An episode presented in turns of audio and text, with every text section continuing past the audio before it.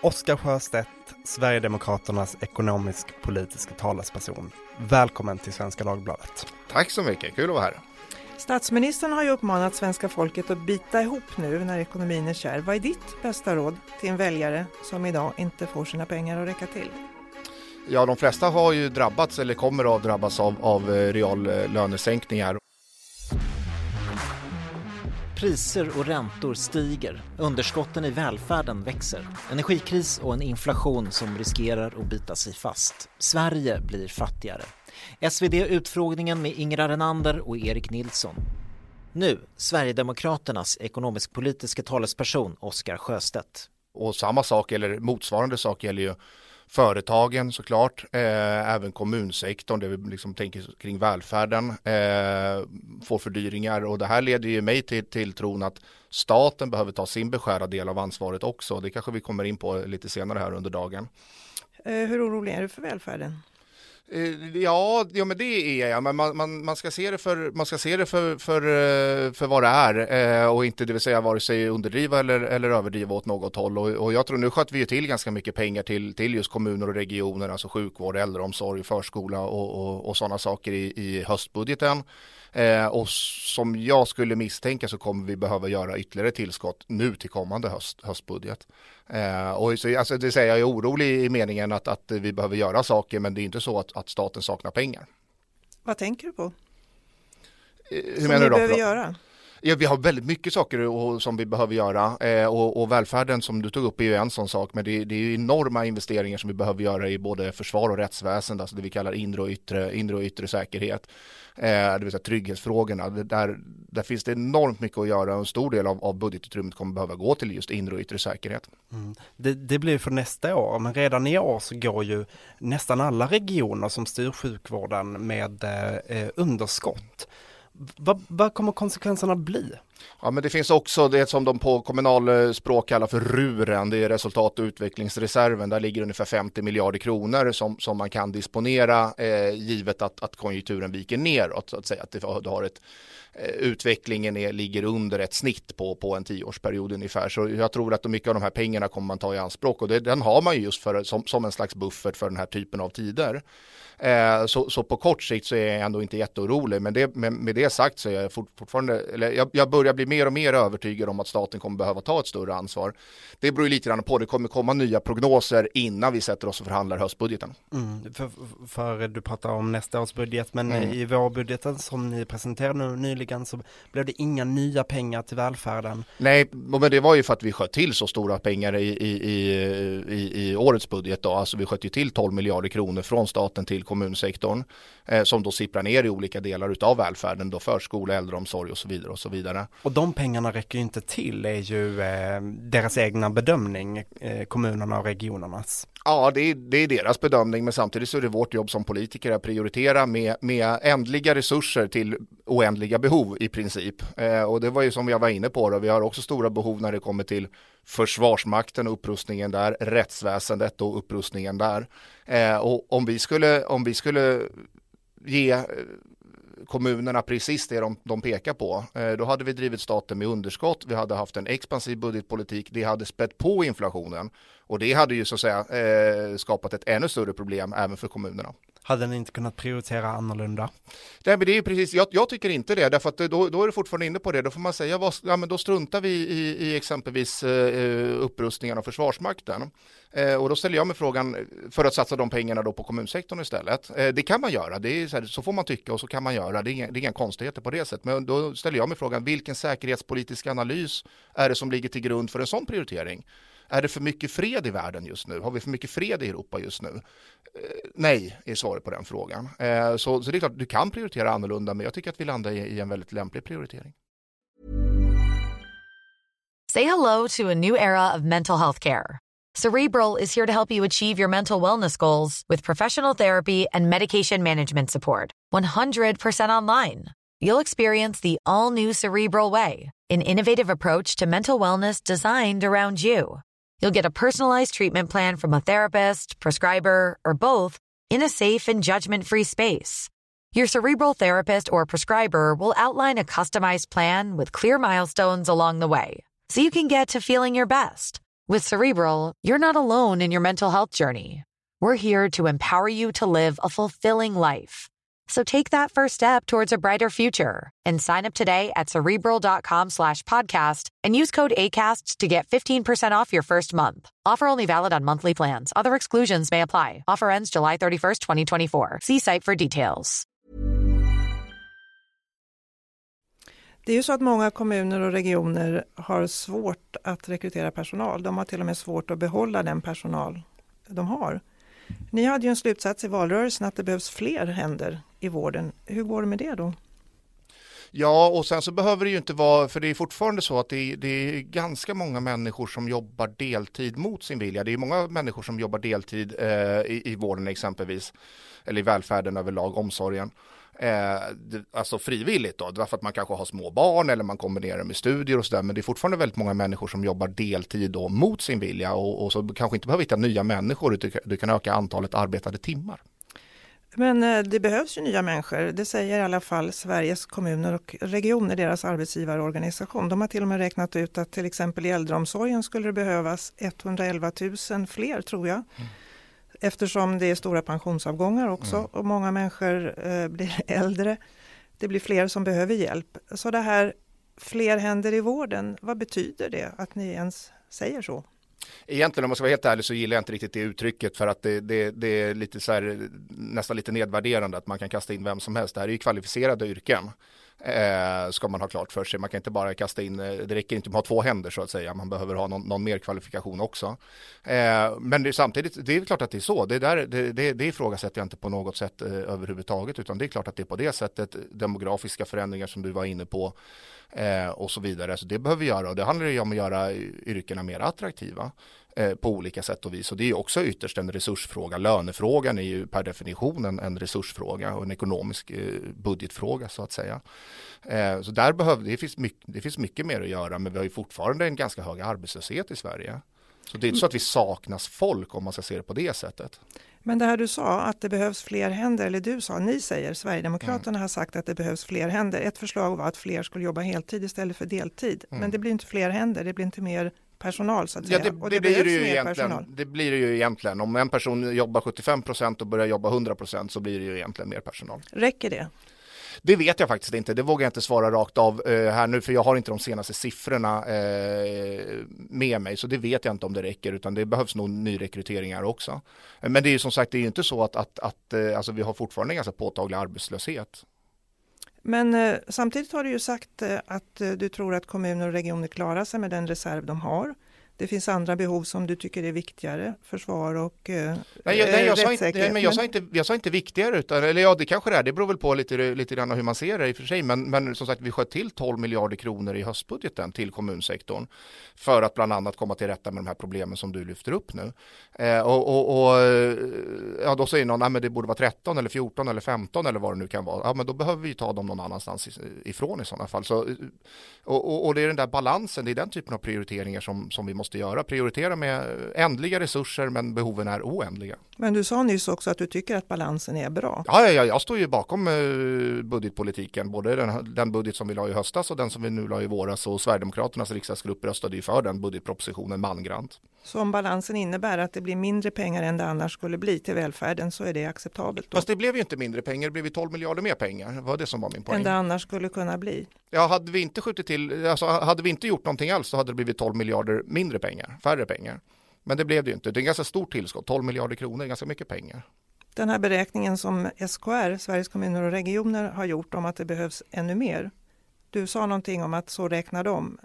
Räknar ja, fel eller? Nej men precis och sen så kan vi fråga överbefälhavaren hur mycket pengar han vill ha. Han vill ju också ha mer pengar. Så, kan vi fråga, så, så där kan vi fortsätta. Vi kan fråga varenda generaldirektör på varenda myndighet och alla vill ha mer pengar. Och det är det som är min poäng att eh, resurserna är ändliga men behoven är oändliga. Och ni har ju också utlovat en stor tandvårdsreform mm, som ska göra det mm. billigare att gå till tandläkare. När, mm. när kommer den bli verklighet? Jag tror inte vi hinner med eh, att implementera den redan till den första januari 2024 eh, utan eh, den kommer bli av under mandatperioden. Det kan vi vara, annars så, ja alltså det, det, det, det är en central del i tidavtalet så förhandlingen har vi redan haft så att säga.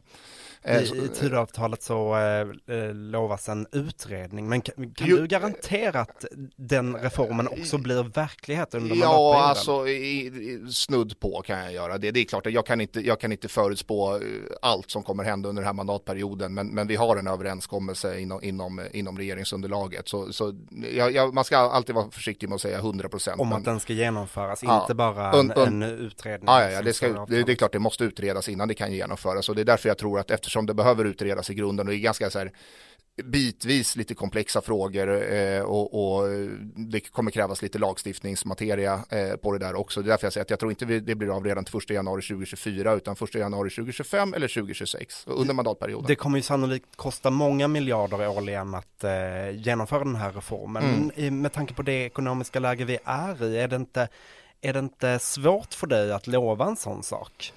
Nej men eh, det är inte bara jag som lovar det utan det är en del som vi har förhandlat redan eh, och som finns med i tidavtalet. Så det är hela regeringsunderlaget står bakom den här, eh, den här reformen. Sen finns det lite olika, det är därför vi ska utreda det, för att det finns lite olika siffror. Vi har ju gjort våra eh, utredningar men, men, eh, men eh, sen behöver vi hela regeringskansliets resurser på, bakom en sån, en sån mer omfattande utredning. Eh, och den exakta siffran i, i alltså kostnaden då den, den, vet vi inte riktigt än. Eh, och det beror också lite grann på vilken väg man väljer. Det finns lite olika alternativ och lite alternativa vägar framåt.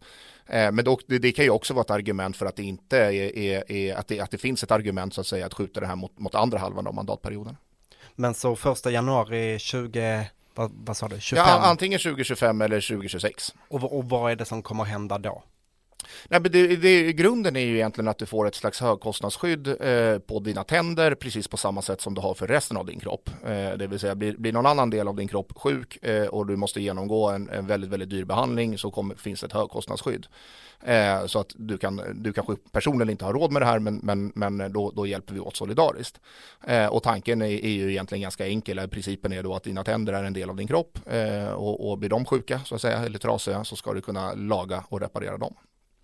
Du sa att du kan lova det här till snudd på 100 procent. Ja, Vad man, menas med det? Ja, men då säger vi 99 procent därför att det finns alltid någon sån här black swan där ute som, som liksom figurerar. Eh, så man ska vara försiktig med att säga 100 procent. Anser du att det här är att, eh, något som ni har kommit överens om i Tidöavtalet och om det inte uppfylls eh, så är det risk för regeringskris?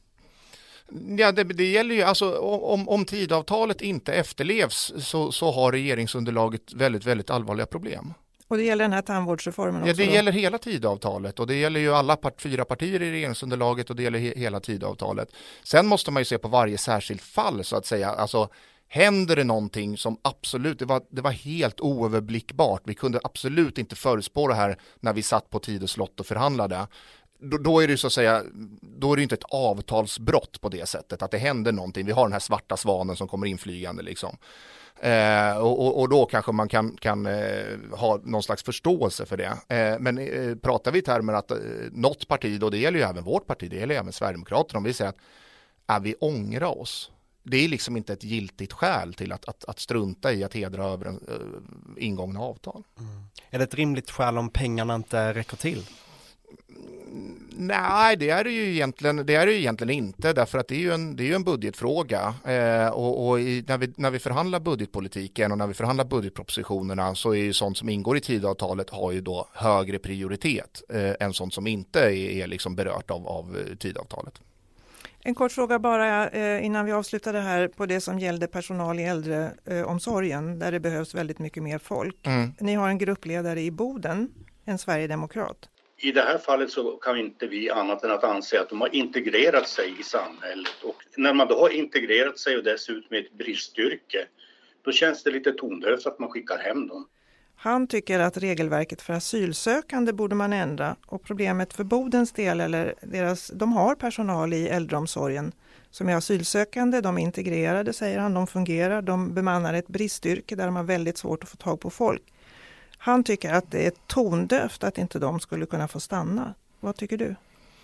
Eh, nej men han har nog, jag, jag, känner inte till det där eh, överhuvudtaget så jag vill inte gå in på det eh, närmre. Men nej men alltså med tanke på att vi har den typen av arbetslöshet som vi har eh, så, så att, att vi skulle applicera det där på någon slags nationell nivå det har jag svårt att se framför mig. De rekryterar personal från Spanien undersköterskor istället för att täcka sina behov, är det bra? Ja men de är väl knappast asylsökande eller? Nej, men Nej. de behöver ta in personal utomlands ifrån för att Ja. täcka sina istället för att använda den som de har på plats. Ja, jag förstår. Nej, men det där kan vara ett, eh, alltså det kan finnas lokala utmaningar också, men att vi skulle ha någon, eh, någon sån typ av regelverk på nationell nivå har jag svårt att se framför mig. Du sa inledningsvis om välfärden att staten kan göra mycket mer. Vad tänkte du på då? Nej, men jag tänker på det vi kallar för det kommunala ekonomiska utjämningssystemet. Det är ett ganska stort system eh, och, och det är då statens del av finansieringen för, för välfärden. Där går det in pengar i ett system och sen så ramlar det ut i kommuner och regioner och sen sipprar ner då i äldreomsorg och förskola och, och sjukvård och så vidare. Eh, och det var ju där vi sköt till väldigt, väldigt mycket pengar i, i, i höstas då, eh, från, från regeringsunderlagets sida. Eh, och det är det jag menar på att jag tror, så som prognoserna ligger nu då, med respekt för att de kan ändras både uppåt och, och, och neråt, så tror väl jag att vi kommer behöva göra någon slags liknande manöver även nu till höst. Hur mycket pengar handlar det om då tror du? Eh, Då sköt vi till 12 miljarder kronor eh, och, och innan jag säger någon, någon summa som, som, eh, som vi ska förhandla om då, eh, nu efter sommaren Eh, så vill jag ta del av de senaste prognoserna först. Nu så kom det vissa siffror från eh, inflationssiffror från USA som var lite bättre än väntat och faller inflationen tillbaka då har vi möjlighet att göra mer.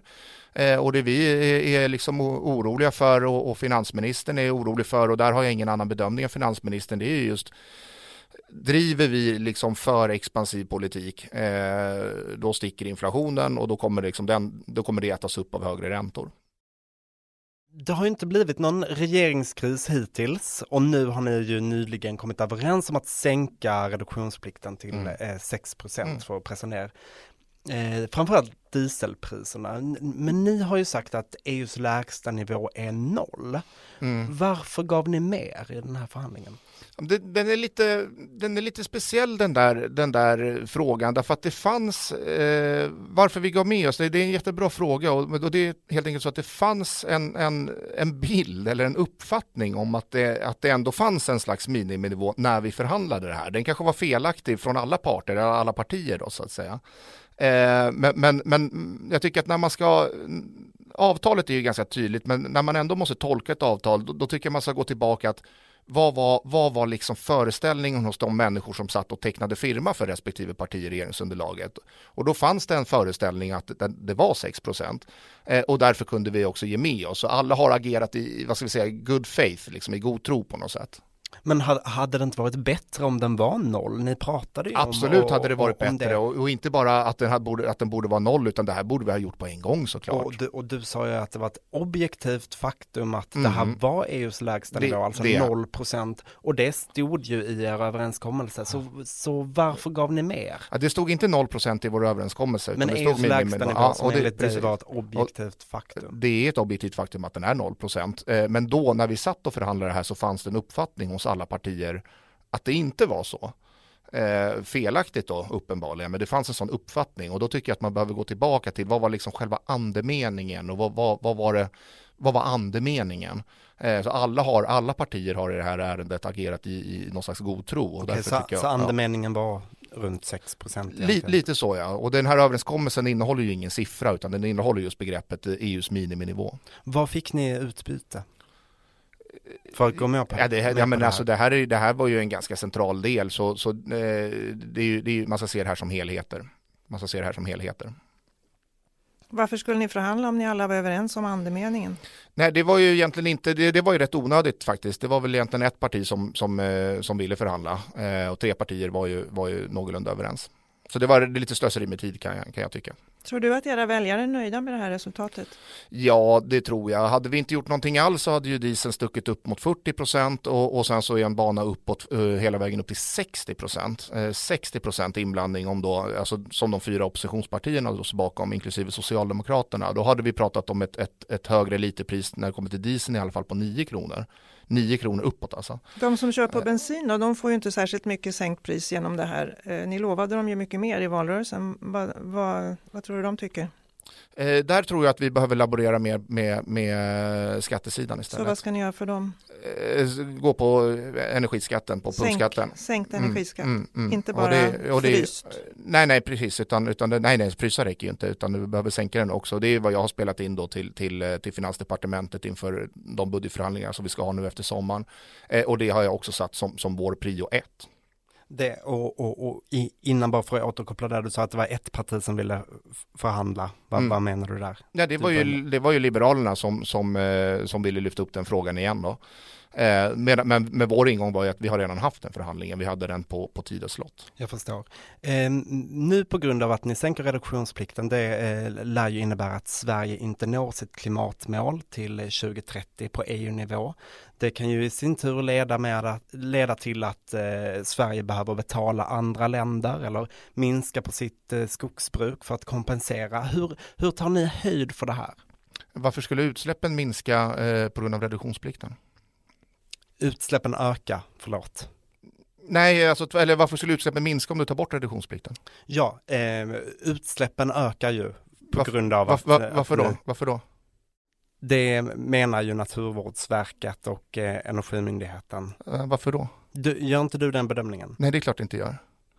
När du sätter dig och kör din bil så spelar det ingen roll om du har 100% reduktionsplikt, du släpper ut lika, lika mycket koldioxid oavsett.